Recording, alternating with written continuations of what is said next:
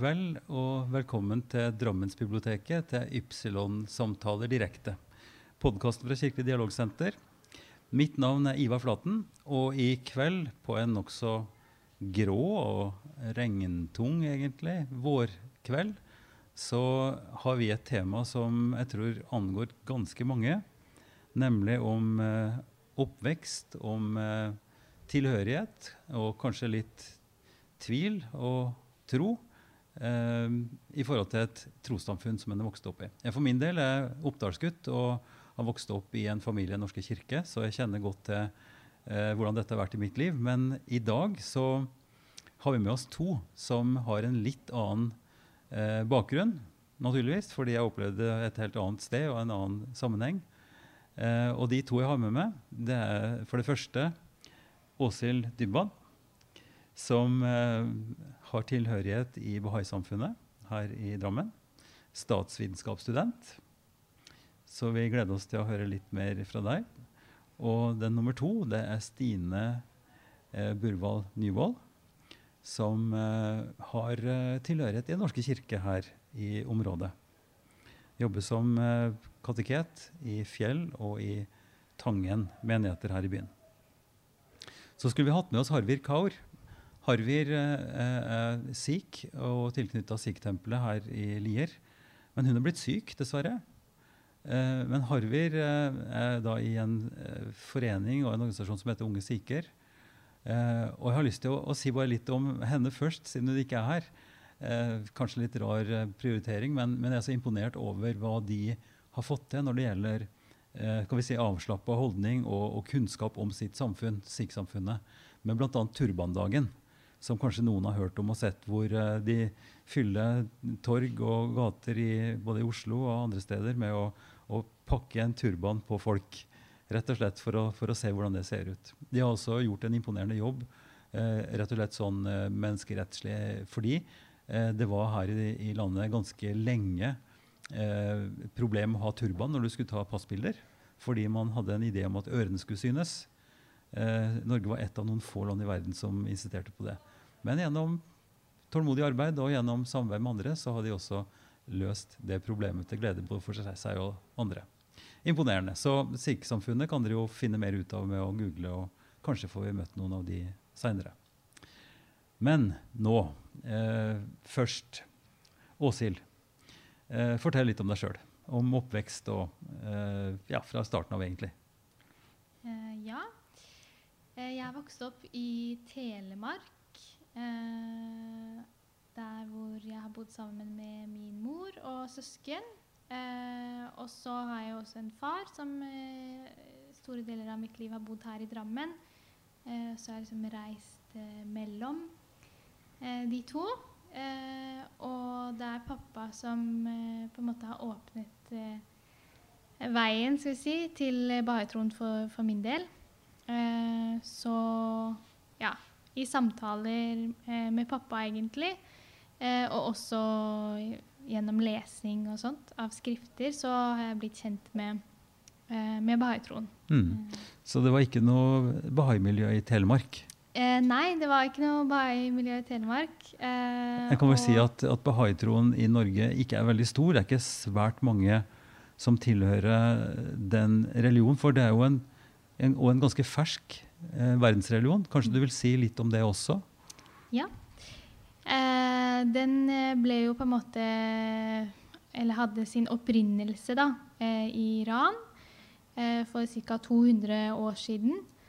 Eh, hvor Baha'u'llah, som er vår på en måte grunnlegger, åpenbarte bahai-troen og ja, den eh, religionen som, som står for, for, enhet blant menneskene, og også enhet blant religionene. Um, og ja, en rekke andre uh, ting. Ja, jeg syns jo det er interessant uh, med de templene deres, altså de hellige husene, som òg uh, har en arkitektur som på en måte symboliserer dette enhetsprinsippet med at man har ulike innganger som skal gi den åpenheten for uh, for fellesskapet og enheten. Eh, vi skal nok få snakka mer om det, men bare som en sånn helt kjapp eh, introduksjon.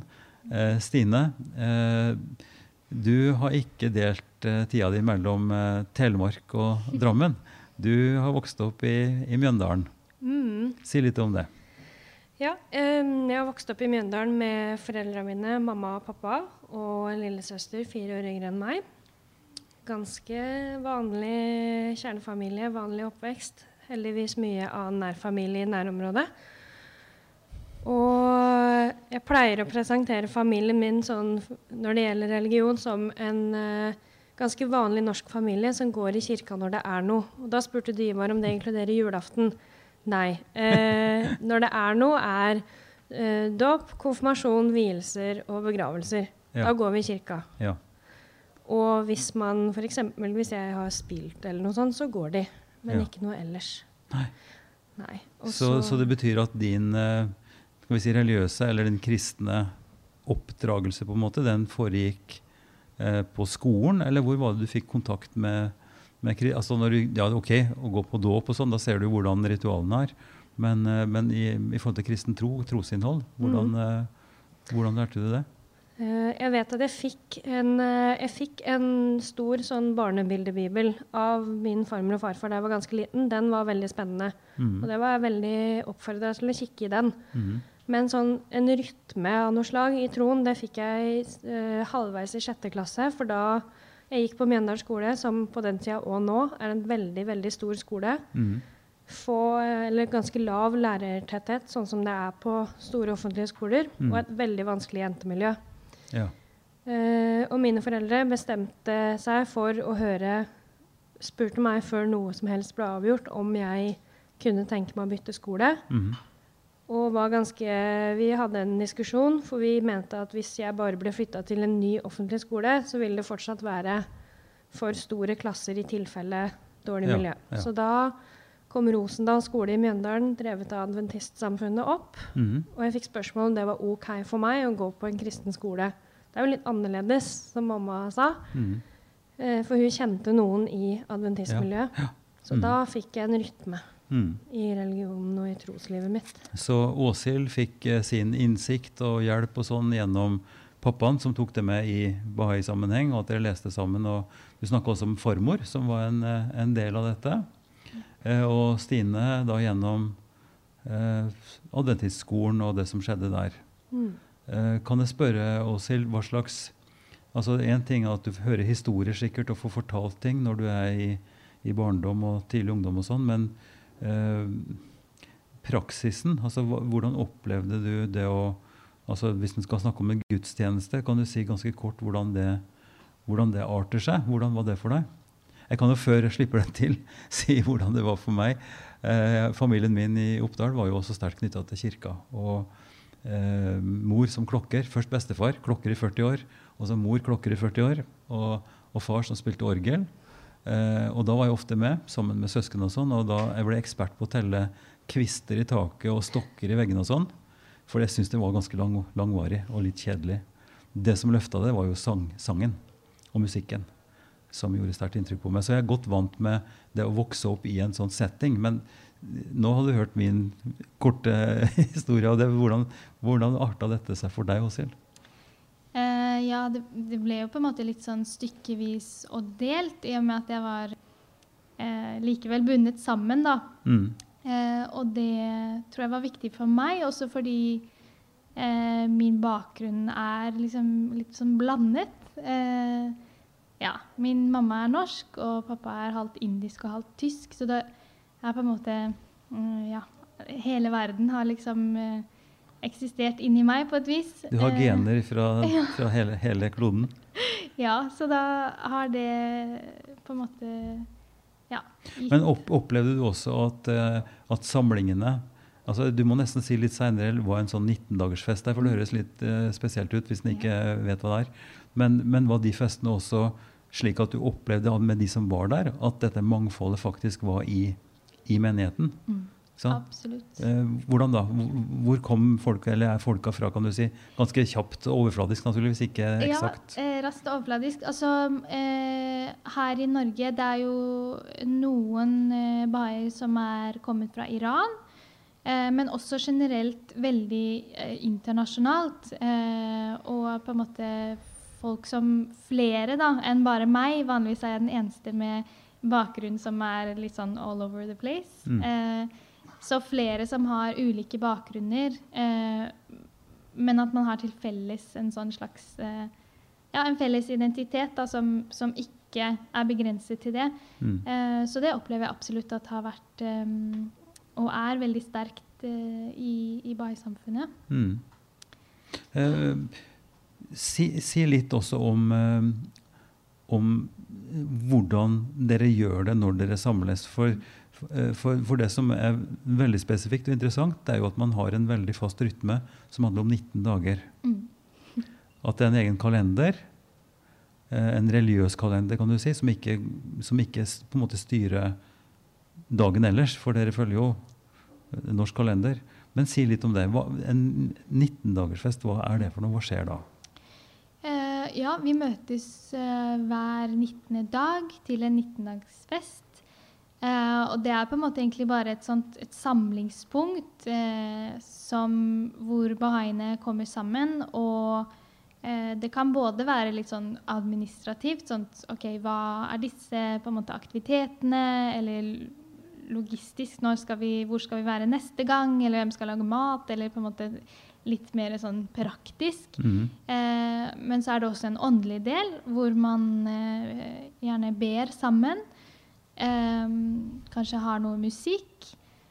Eh, og det kan se veldig, veldig ulikt ut eh, fra sted til sted. Og skjer gjerne i et hjem. Altså, det kan være hjemme hos meg eller hjemme hos naboen. Eh, og, og det, det utarter seg også naturligvis ulikt i ulike land. Mm. Eh, så du vil på en måte ikke nødvendigvis kunne gjenkjenne en 19-dagsfest sånn fra utsiden eh, hvis du reiser til eh, ja, til Tyskland eller Nei. til Norge. Så, så den har en, en sosial dimensjon. Mm. Den har en læremessig, eh, altså en lese åndelig del. åndelig Mm. dimensjon. Eh, og den har en administrativ. Ja. Så de tre liksom er en fast del, del Mm. av det. Og dere har jo ikke noe Bahai-tempel her, her i byen eller i Norge, så dette er private eller leide lokaler dere holder på i. Ja. Ok. vi, går til Stine igjen. Eh, og vi slapp jo deg når du, når du da havna på, på skolen. Mm. Fordi du hadde altså, Hva er det med jenter, egentlig? Altså, At det skulle være så fryktelig altså, jeg tenker på, vi, vi kjenner jo til det. Jeg har to døtre sjøl, så Mm. vi har sett litt forskjellig.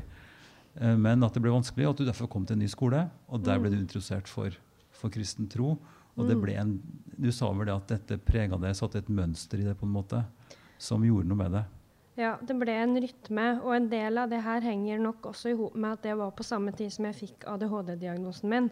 Ja. Eh, den har jeg jo Jeg har jo hatt ADHD hele livet, men Mm. nettopp fordi Eller det tror de i hvert fall. Men fordi eh, i en klasse med 30 elever hvor en del hadde mye mer tydelige problemer enn meg, så Mm. tok det litt tid. Men når jeg begynte på Rosendal, og utredninga var i gang, og jeg var elev nummer syv på trinnet, da merker man det mer, både jeg og de. Ja. Og det gjorde jo at det sammenfalt gjorde at jeg på en måte fikk et behov for ikke kontroll, men et behov for en slags rytme. Det er noe Mm. beroligende for meg i at ting skjer. ja. Vi ber når vi Mm. kommer på skolen, så Mm. starter vi dagen med å be Mm. bare for dagen og at det blir bra. Mm. Og til maten så synger vi for maten. Mm. Sånn som mange har gjort i vår generasjon i offentlig skole, men det fortsetter de med. Mm. Og at man har en sånn rytme i tillegg til skoleklokka som ringer ut og inn, Ja. det gjorde meg veldig godt. Mm. Mm, og har nok bygd meg, bygd meg Ja. et bra grunnlag. Så når, eh, når du var ferdig med barnetrinnet, fortell litt om utviklinga ellers. For du kom jo da inn i både et musikkmiljø og Mm. inn i et sånn TenSing ungdomsmiljø. Si litt om hvordan det var. Mm. Eh, jeg har spilt i skolekorpset i Mjøndalen og Steinberg siden jeg var seks-syv år. Begynte ganske tidlig. Og um, det har nok vært med å styre meg i den retningen jeg havna. Fordi på Rosendal så var det et godt musikkmiljø. Man jobba ganske tett. Den gangen, Det var jo før den nye adventskirka ble bygd. Da hadde man en periode også gudstjenester i gymsalen der. Mm. Eh, og det var veldig, Man hadde en årlig konsert, og det var noen musikaler og mye. Mm. Og da brukte de alle elevene som spilte instrumenter. Da fikk jeg utfordra meg sjøl og min ganske heftige sceneskrekk den gangen. Mm. Um, og så gjorde jo det at jeg da var ganske trygg uh, Når jeg begynte på ungdomsskolen, var jeg ganske trygg på min Mm. musikalske Mm. identitet. Ja. Så når vi da ved skolekorpset skulle ha konsert sammen med Tensing-koret fra den lokale kirkekirka, som jeg sier, da, det, og ikke skolekirka Så skolekirka, adventistkirka, kirkekirka er Mjøndalen. Ja. Um, da var jeg veldig tydelig på at dette er noe for meg, her vil jeg begynne. Ja. Da begynte bandet ja. i Tensing. Og da var døra åpna inn til Den norske kirke. Mm. Mm. Og der spilte du saks. Spilte jeg saks i bandet. Så ble jeg dirigent etter hvert. Men eh, den beste tida var definitivt den i bandet. Da var det et helt eget miljø, særlig fordi jeg begynte før konfirmasjonstid. For mange begynner i konfirmasjonstida, men da var jeg allerede varm i trøya og veldig trygg. Mm. Så det gjorde at konfirmasjonstida mi også blei trygg. For Mm. da hadde jeg allerede vært Mm. over et år aktiv i kirka, og kirka var som et andre hjem. Og hva betyr det sånn rent praktisk å være aktiv i kirka da, før konfirmasjonstid? da? Eh, ja, på ungdomsskolen det utarta seg på en måte litt annerledes da jeg begynte på videregående. Da ble det Mm. mer som et veldig sånn andre hjem. For da jeg begynte på St. Halvard, Mm. og det å bo i Mjøndalen, det innebærer at du må bytte buss i Drammen. Så det ble Mm. lange dager. Mm. Og da hadde jeg mat liggende i fryseren i kirka, så jeg kom aldri hjemom på fredagene. Jeg dro bare rett og spiste middag. Og Mjøndalen er jo en arbeidskirke, så det Mm. å bruke den virkelig som en sånn andre hjem, at det kom ungdommer lenge før øvelsen begynte, bare for å spise middag hvis man var sliten etter videregående og ikke gadd Mm. å dra hjem. Mm. Det, vi snakka jo ikke så mye religion da nødvendigvis, men bare det at kirka var åpen. Mm. Det hadde mye å si for meg og for veldig mange andre i den Et annet hjem er en ganske sterk katolisering, ja. da. Det var jo, Man sto jo opp klokka sju-halv åtte for å gjøre seg klar til skolen, og Mm. var jo ikke hjemme før elleve. Tensing-øvelsen var ferdig ni, men vi ble jo hengende lenge etterpå og prate og spille og jamme og bare Mm. være sammen. Mm. Så det var lange dager, men vi merka aldri noe til at de var så lange. Nei. Det sier jo litt om at det var viktig at vi trivdes. Mm. Og, og da var tilknytninga til først og fremst til ungdomsmiljøet og TenSing, og i mindre grad menigheten som menighet. Altså Hvis Ja. du tenker på en, eh, Hvis vi skal skille så veldig, da, den Mm. religiøse dimensjonen her. Altså det å bli knytta til Du snakka om bønn ikke sant, på skolen, rytmen i det. Mm. Tilhørigheten til troen og sånn. Hvordan, hvordan er den miksen mellom musikken, TenSing og den type utvikling? Går det an å si noe om det, eller blir det for eh, Ja, nei. ehm, sært. det fine med tensing og litt sånn Ikke lure, men det som er litt godt med tensing, det er at det gir en sånn veldig myk start i religionslivet for mange konfirmanter. For i konfirmasjonstida så kan det være litt sånn Nå skal vi hit, og så skal vi lære om det. Og så er det litt fremmed. Men vi hadde tensing-konfirmanter som da fikk go godgjort mange av timene sine gjennom tensing. mm. Og så blir man sakte, men sikkert litt utfordra hvis man har vært der en stund. Kanskje du vil holde en andakt. Mm. Da må du jo tenke deg om et par Mm. Runder hva du skal si. Lese litt på forhånd så du Mm. vet hva du skal snakke om. Og så blir du utfordra til å være leder. Da skal du ha kveldsandakt for gjengen du har ansvar for. Mm. Så det, det er på en måte en sånn vekst i det, Mm. og i det vokser jo også troslivet. Mm. Um, og så husker jeg vi hadde besøk. Vi fikk beskjed om For da var jeg musikalsk leder i TenSing. Så fikk vi beskjed om at den gang biskop Laila skulle komme på besøk Mm. på Visitas, da, som det heter. Ja. Og da ble jeg utfordra på å si noe på vegne av ungdommen i menigheten. Mm. Og da var det helt naturlig for meg å takke ja til det, husker jeg. Så jeg har åpenbart fått en sånn trygg Ja. trygghet i troa. Eh, eh, det slo meg plutselig at det er ikke sikkert at alle som hører det her, eh, vet hva TenSing er. Nei. Eh, kanskje du skal si det ganske kort òg? Det er jo en bevegelse som Det var egentlig Kjell Grønner i Bergen som dro i gang dette på et tidspunkt. Mhm. Ut ifra en sånn eh, amerikansk eh, eh, bølge av ungdomskorsang, liksom. Mm. Det er jo et ungdomskor. Um, og så er det også bare en bitte liten del av det det er, på en måte. Mm. TenSing er et uh, ungdomsmiljø hvor man kan komme og henge. Vi hadde jo de tøffe gutta som ikke skulle synge, uh, som da ble teknikere. Mm. Eller spilte i band. Uh, Mm. Så det er band, teknikk og kor som er kjernen. Mm. Men så har man mye sånn sosiale øvingshelger Ja. hvor det egentlig bare er å være sammen. Så er det en sånn svær musikalsk ungdomsgreie med musikken i midten, Ja. og så mye sosialt rundt. Mm. Ja. Eh, gir dette mening for deg, Åshild? Har du opplevd noe sånt nå i, din, eh, i, i Bahai-sammenheng? Gjør man sånt? Uh, ja, om man synger eller har musikk, ja, absolutt. Eh, det er eh, ja, en stor del av det. Det kan jo både være på en måte i bønn, at man synger eh, på en måte fra sitater fra, fra skriftene, men, men også på en måte bare som en sosial Mm. ting, da. Mm.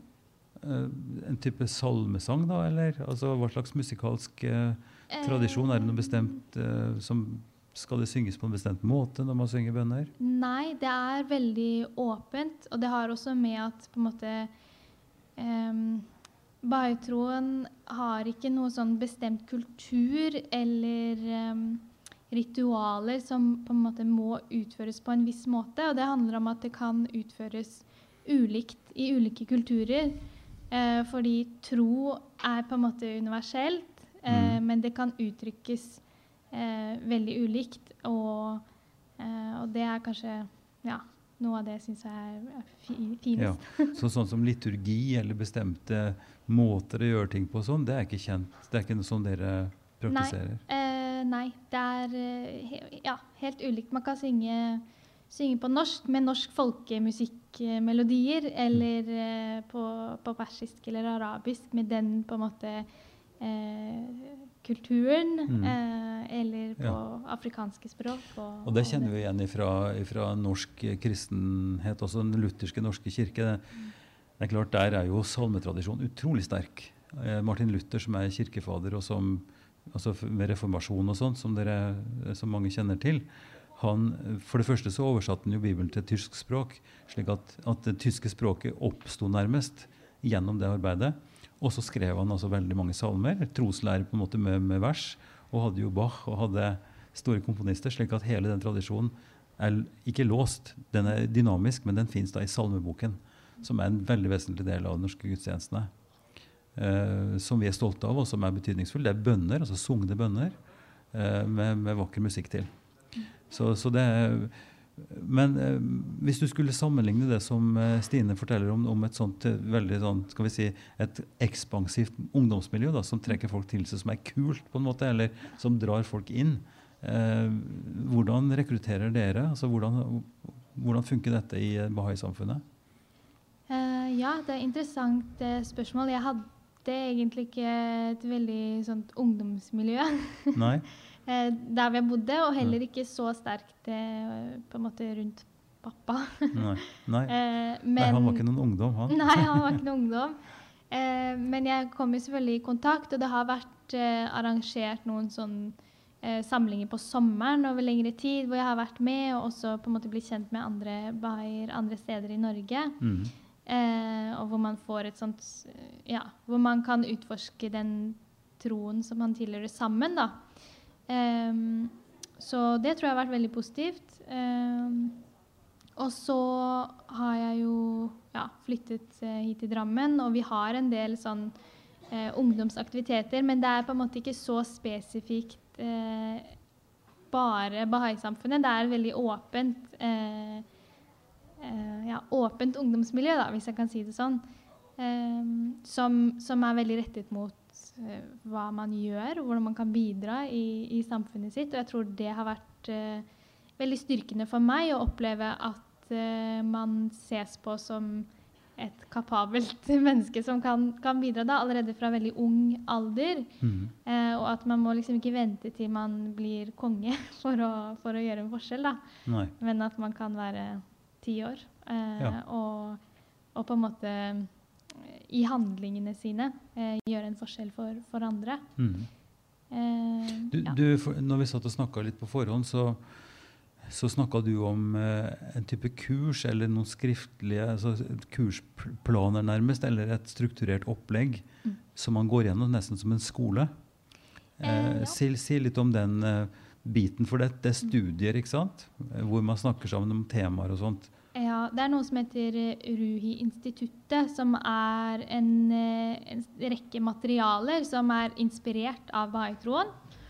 Eh, og som har til hensikt å på en måte utvikle individet og liksom kanskje en gruppe, eller samfunnet nesten, til, Mm. å, eh, til å tjene eller bidra Mm. i samfunnet. Og da er det på en måte både snakk om hvordan jeg kan utvikle mine kvaliteter, sånn at jeg bedre kan eh, være til hjelp da, eh, i, i mitt samfunn. Mm. Um, men også kollektivt, at man på en måte eh, støtter hverandre i den innsatsen. Så da er det en rekke med eh, materialer som man, som man går igjennom, og som Mm. har ja, dette individuelle fokuset, men også et veldig praktisk Men gjør man dette eh, alderssegregert, eller skjer dette i et fellesskap med, med hele aldersspennet?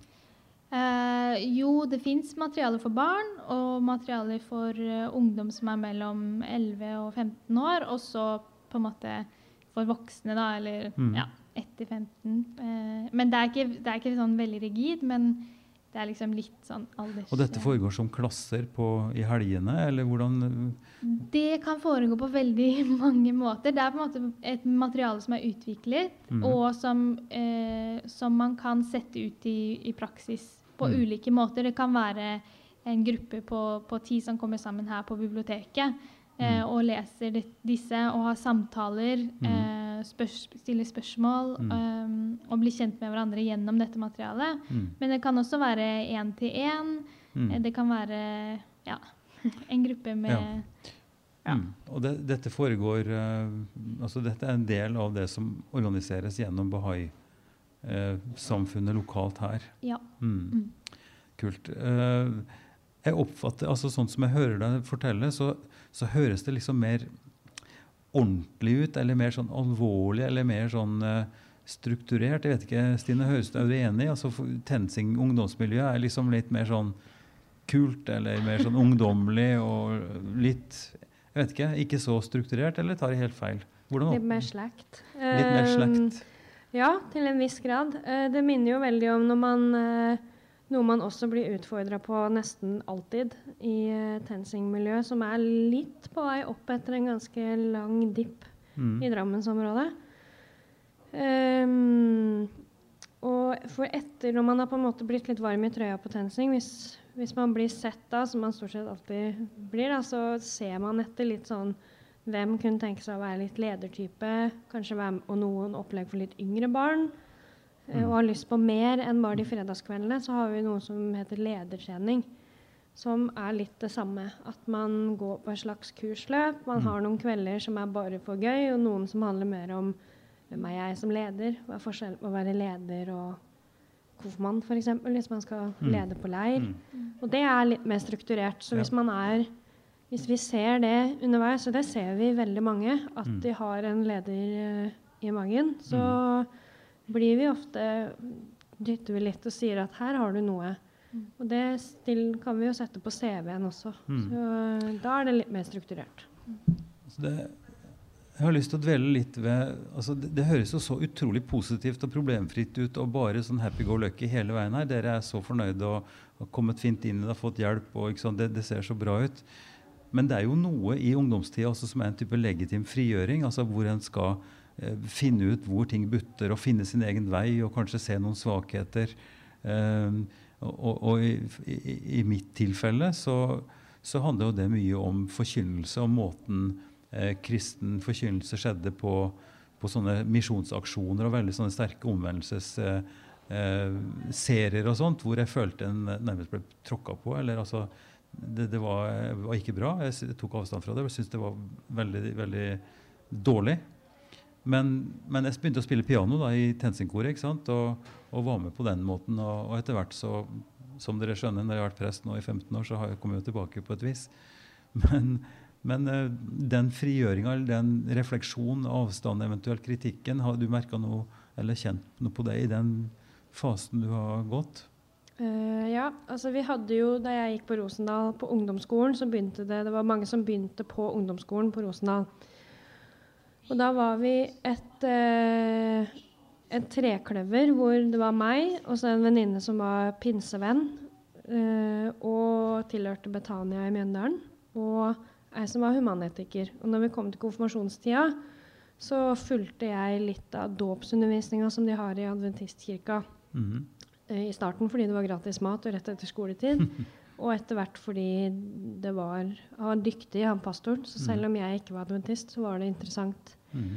Og så fulgte vi også noe i pinsemenigheten. Og der fikk jeg også en litt sånn opplevelse som du nevner, at det ble eh, Jeg var jo allerede da, vel, gudskjelov, ganske trygg i min egen tro, og Mm. opplevde det som en slags overtramp.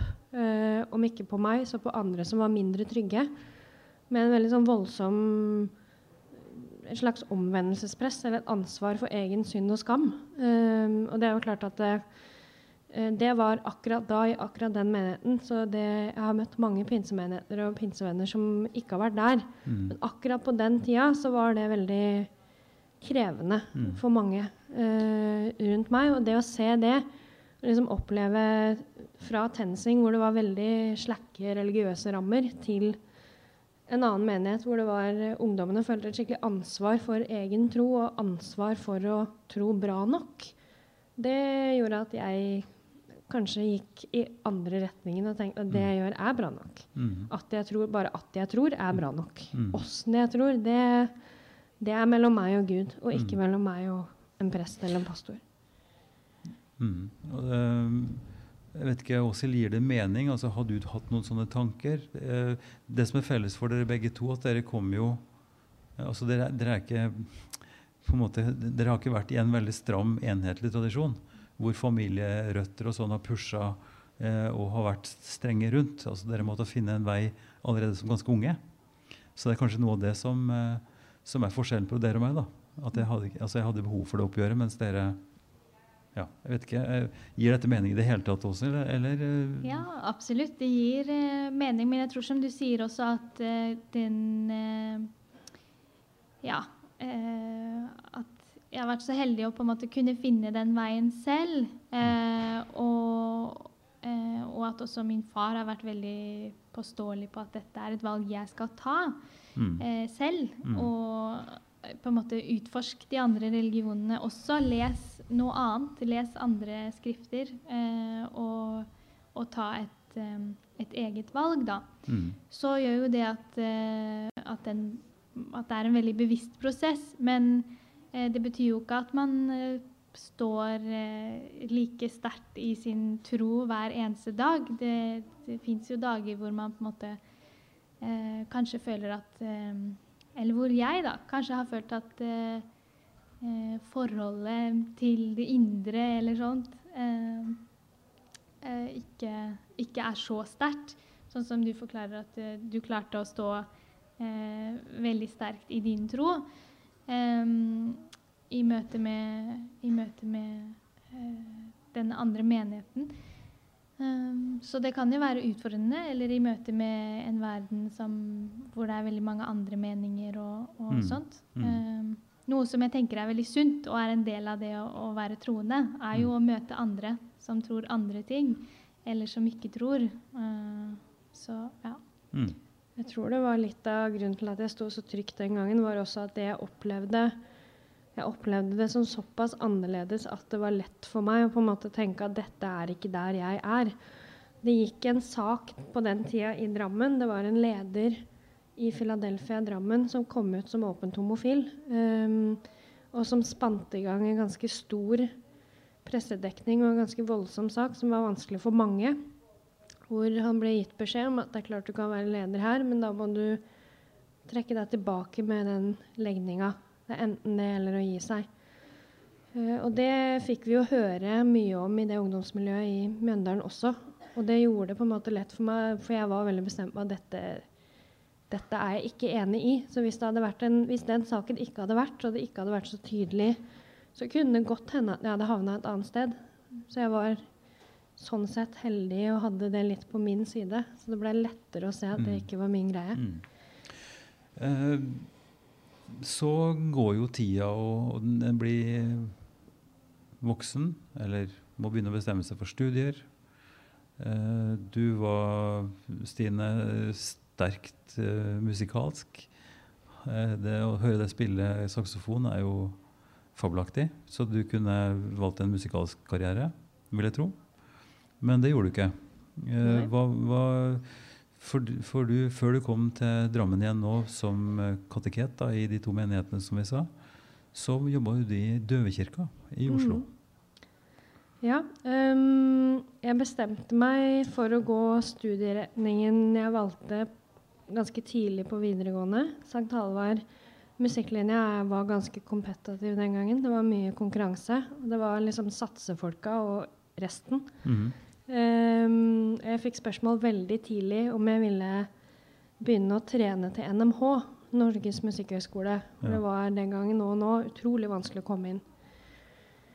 Um, og da var jeg ganske overraska over at spørsmålet kom så tidlig. Og så satte det i gang en slags prosess. Hvis det tar meg tre år å forberede meg på å komme inn der, så blir det jo garantert ikke noe lettere.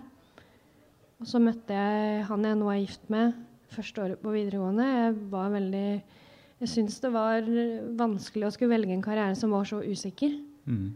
Eh, særlig med tanke på en eventuell partner. At jeg skulle ha en kjempeusikker inntekt. Mm. Mens partneren da skulle være den som måtte ha en. Så, så jeg var ganske veslevoksen i huet. Eh, men jeg tenkte sånn. Mm. Um, så jeg landa ganske tidlig på at det jeg vil da, det er å bli prest.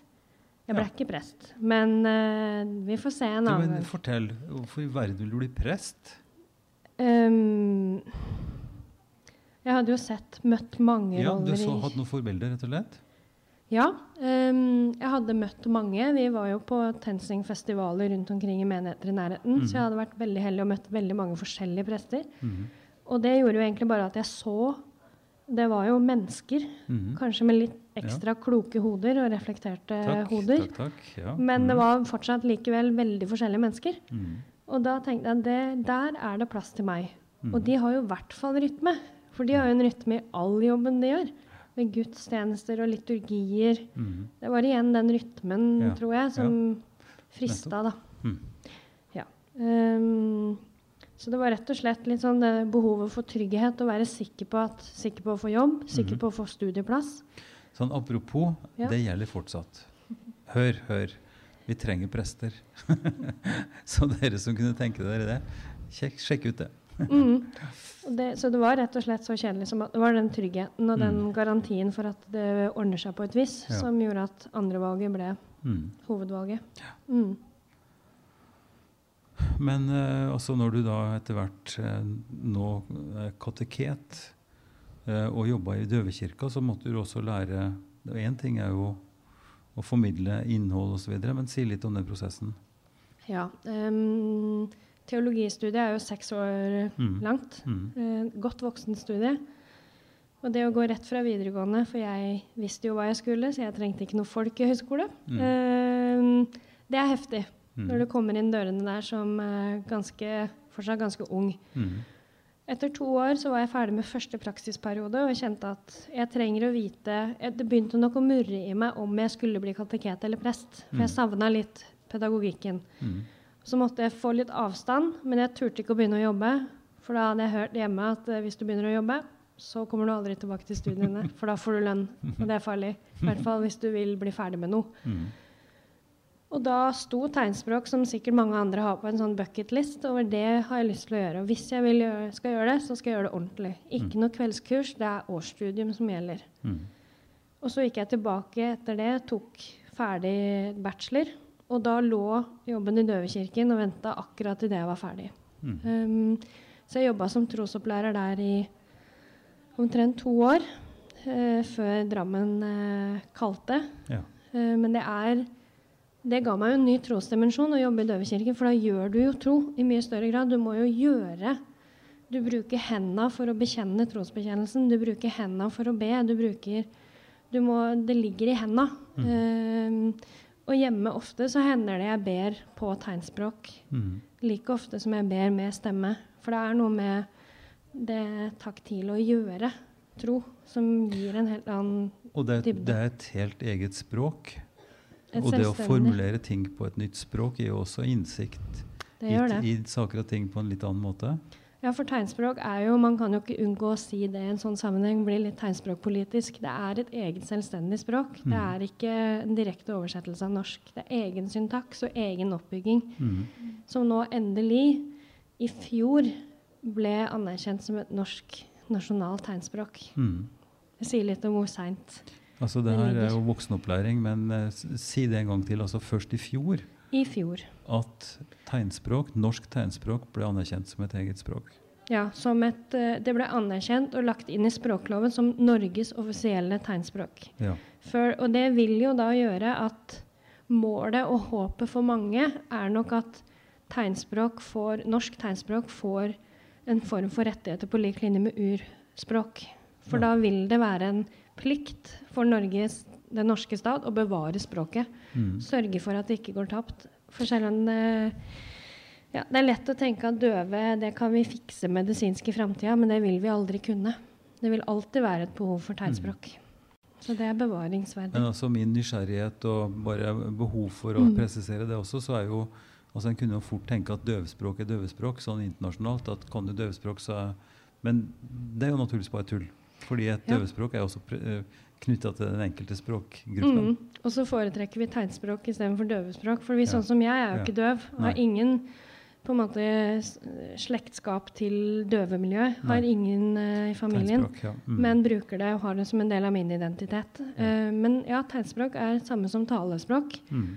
Det, man sier jo ikke hørende språk, man Nei. sier talespråk. Mm. Um, og det er ulikt. Det er vanskelig å forklare eh, en vaffel til en fra Uganda.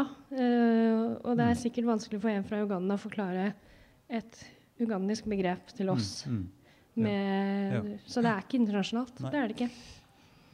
Ok, da har vi hørt eh, din vei til karriere og voksenliv og sånn. Du, eh, Åshild, du er jo i, i farta. Eh, men ditt valg, valg av studium og sånn er jo også interessant, for det har også sammenheng med, med din tro på et vis. Mm. Statsvitenskap. Ja. Eh, ja, jeg hadde jo en annen vei før det, ja. Eh, for at jeg har danset egentlig store deler av livet. Eh, drøyt med det. Og ja, gikk danselinja på videregående. Eh, og så begynte jeg på en bachelor også i dans. Okay. Eh, men eh, ja, og valgte å avslutte det. Eh, og så har jeg nå studerer jeg statsvitenskap. Eh, så det har jo vært også en, en prosess, og blir sikkert en prosess videre. Eh, men jeg opplevde at eh, jeg kunne eh, ja, bruke andre sider av meg selv da, mm. i statsvitenskap. Og, eh, og opplever jo også at det er veldig, eh, veldig interessant å, å kunne lære å se ting fra et annet perspektiv. Altså i hverdagen så er jeg jo liksom aktiv i, i nabolaget mitt og med disse aktivitetene med, med barn og ungdom og sånt. Eh, og det å kunne se noen av de utfordringene som er liksom eh, på grasrota, da, eh, men også reflektert i den store verden, eh, det har vært veldig eh, interessant. Eh, det er ikke alt som er like gøy, men Nei, det vil jeg tro. Men når du sier altså en, en sammenheng mellom grasrota og det du ser her eh, i nabolaget vårt, da du, du bor på fjell og jobber eh, sosialt og med nabolagsarbeid der, eh, vil du gi noen eksempler på hvordan det er sammenheng mellom den store verden og, og fjell? Eh, ja. Jeg, jeg syns jo det er interessant f.eks. dette med, med tilhørighet. Eh, og kanskje sånn skillelinjer som vi, som vi lager for oss selv. At det er liksom dere mot oss, og det er den gruppen mot den gruppen. Eller eh, sånn type ting. Mm. Eh, som man jo ser eh, ja, mye av spesielt eh, akkurat nå, da. Mm. Eh, med krig i Europa. Mm. Eh, men også at det, at det kan være interessant å se hvordan, hvordan vi kan skape enhet og unngå på en måte konflikt eh, mellom hverandre. Eh, bare i et bitte lite nabolag eller i en by. Eh, og hva er det som på en måte kreves eh, av meg for at jeg skal klare å liksom tilgi den ved siden av meg som dytta meg eller liksom sa noe stygt. Eh, og liksom bare de, at de, de små, konkrete tingene da, i Mm. hverdagslivet til barn, ungdom og voksne, eh, hvordan det også er med på å bygge liksom fred da, eh, i, den, i en mindre sammenheng. Mm. Ja. Uh, jeg syns vi kan spinne videre på det nå, fordi som du sa, så har vi jo en, en, en stor og tragisk uh, krig i, i Ukraina. Uh, men vi har jammen også opplevd nå for en uke siden en tragisk hendelse i vårt nabolag. Med den blokka som, som tok fyr, og som har gjort at over 300 mennesker er husløse. Eh, og det har utløst noe som er et felles både for deg, Åshild, og for Stine, som har prega den siste uka veldig sterkt. Eh, og når du, når du, prøvde å forklare hva bahai-troen egentlig handler om, så snakka du om tjeneste. Eh, I kirka så, så, snakker vi om arbeid for vår neste, vi snakker om diakoni. Og Ahmed, som sitter her og styrer lyd og bilder, han snakker om hismet. Hismet er tjeneste. Så det som er felles altså for, Nå har vi fått tre ulike tradisjoner her, med islam, kristendom og, og bahai. Eh, og hva, hva, hva, slags relasjon har det til, til tro? Altså må vi, vi må ikke være troende for å skjønne at vi skal hjelpe folk som er husløse. Men allikevel så ser vi jo at det er en forbløffende stor respons og mye aktivitet fra Bahai på, på Fjell og, og Fjell menighet som jeg syns har vist på en måte har stått i, for, i, i, forkant når det gjelder lokalt engasjement. Kan ikke du si litt om det, hvordan, hvordan det har vært for dere fra Bahai-samfunnet, og hvordan det henger sammen med det du definerer som din Bahai-identitet? Uh, ja, det er jo veldig interessant. Vi uh, Det er jo Tro på en måte reflekteres jo i handling. Og hvis man har en visjon om eh, om at verden er én, hvis man har en visjon om fred eh, og alle disse tingene, så blir det på en måte veldig eh, tomt, da, hvis det, ikke, hvis det ikke, reflekteres i, i, handlinger. Walk the talk, er det noe som heter? Ja, ikke ja. sant? Det er mm. nettopp det. Eh, og som du sier, religion er ikke det, det er ikke, Man må ikke være religiøs for å kunne hjelpe noen andre. Eh, men det kan være kilde til motivasjon eh, og på en måte til et fellesskap rundt det å, å bidra til noe større. Eh, og også, som vi snakket litt om, at man kan kanskje øve på noen egenskaper eh, som gjør at, det, at man er eh, At det er lettere, kanskje. At man, man, må nesten øve litt på nestekjærlighet. Det er ikke noe som, som liksom kommer sånn helt automatisk. eller eh, ja, det gjør kanskje det også, men, men liksom, ja, øve på å være tålmodig, øve på å være kjærlig, øve på å liksom se, se andre, da.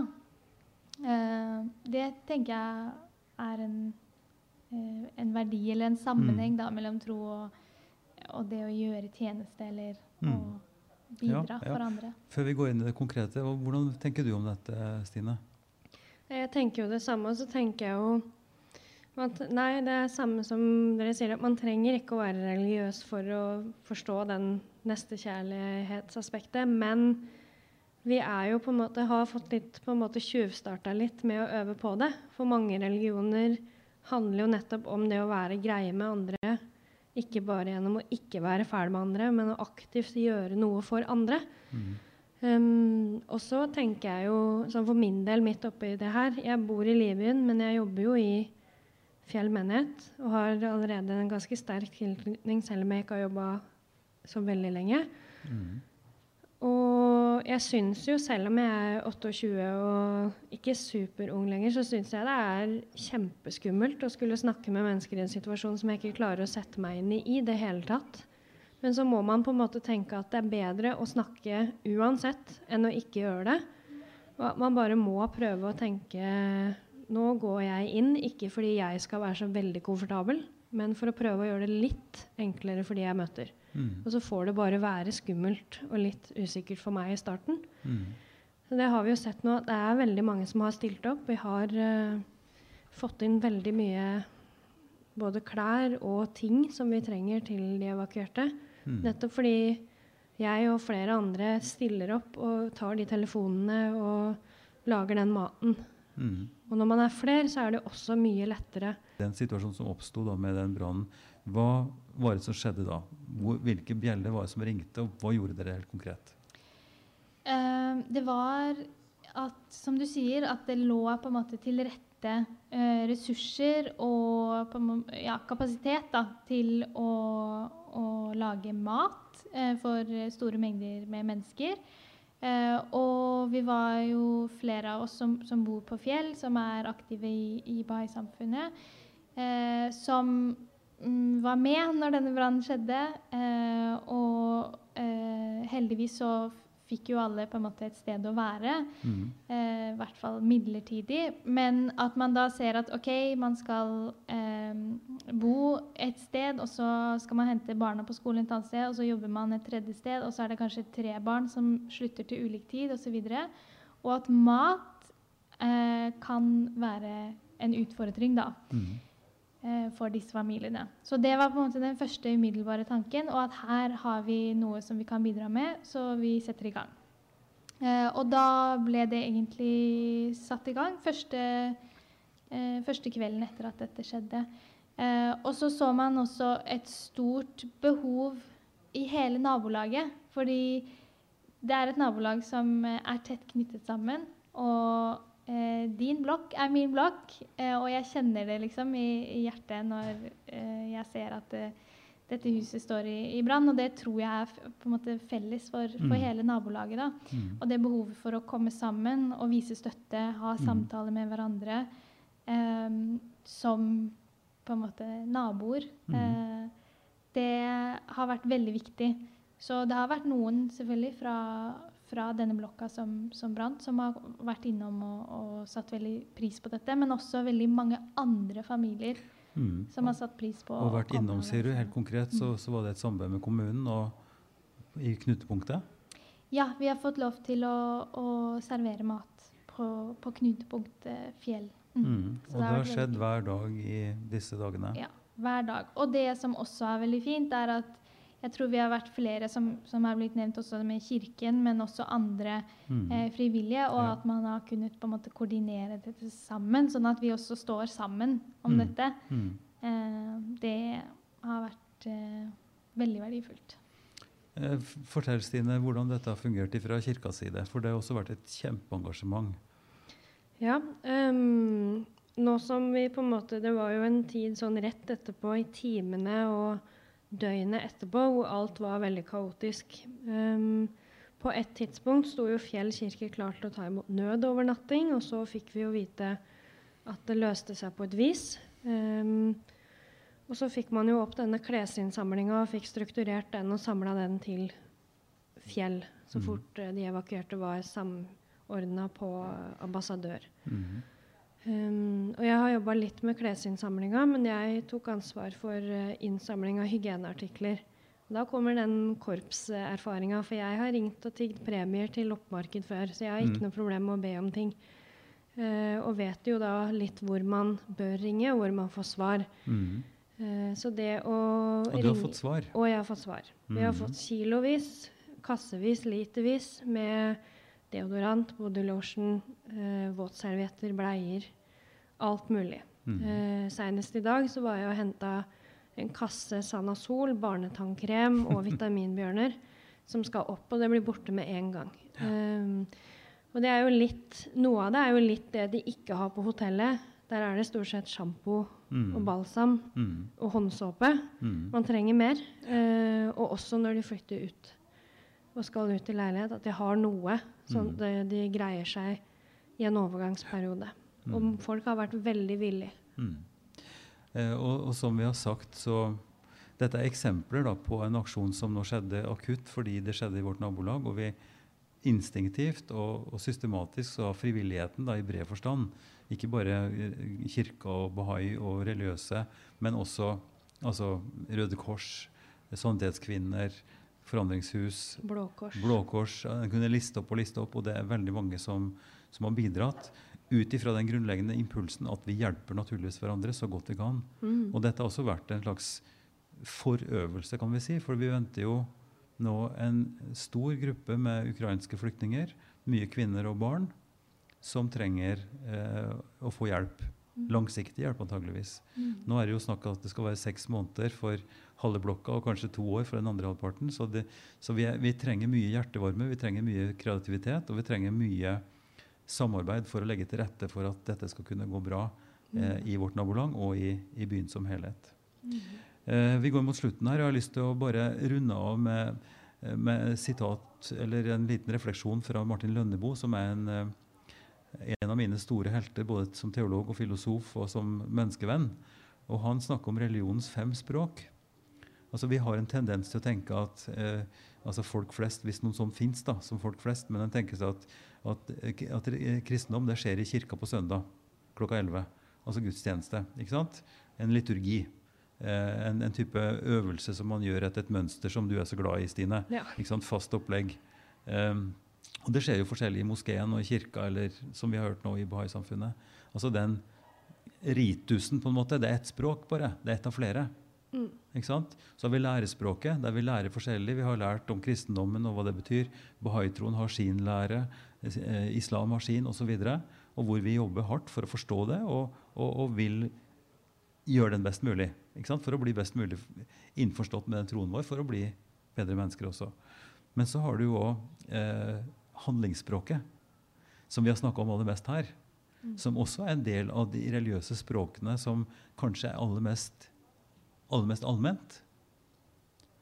Og at vi kan huske på det. Og hvis noe som skal stå igjen etter denne samtalen, så tenker vi at, at det felles religiøse språket som er et handlingsspråk, altså det vi gjør for hverandre, som et universelt språk, og som det viktigste, kanskje, på en måte språket. Hvis ikke det ytrer seg i handling, det vi står, står og tror på, så er vi ganske, eh, ganske fattige. Og for å si det raskt de to andre også eh, erfaringsspråket. Erfaringen av godhet, erfaringen av Gud, erfaringen av at vi er mennesker i en sammenheng, er også et språk som vi kan eh, utmynte både poetisk og musikalsk og i dans og hva det måtte være. Og så er det dette enhetens språk som kanskje er favoritten til, til Bahai, men som også vi deler veldig sterkt. Eh, at vi er én familie, vi er ett folk, og, og, vårt religiøse språk også skal bidra til denne enheten. Og med disse, disse ordene av, av, Martin Lønneboe, han har skrevet en bok som heter dette, 'Religions fem språk', eh, så vil jeg takke for eh, dere som eh, var med og hørte på og så på. Eh, vi takker Martin eh, Nordli her på Drammensbiblioteket, Ahmed Dogan som er tekniker.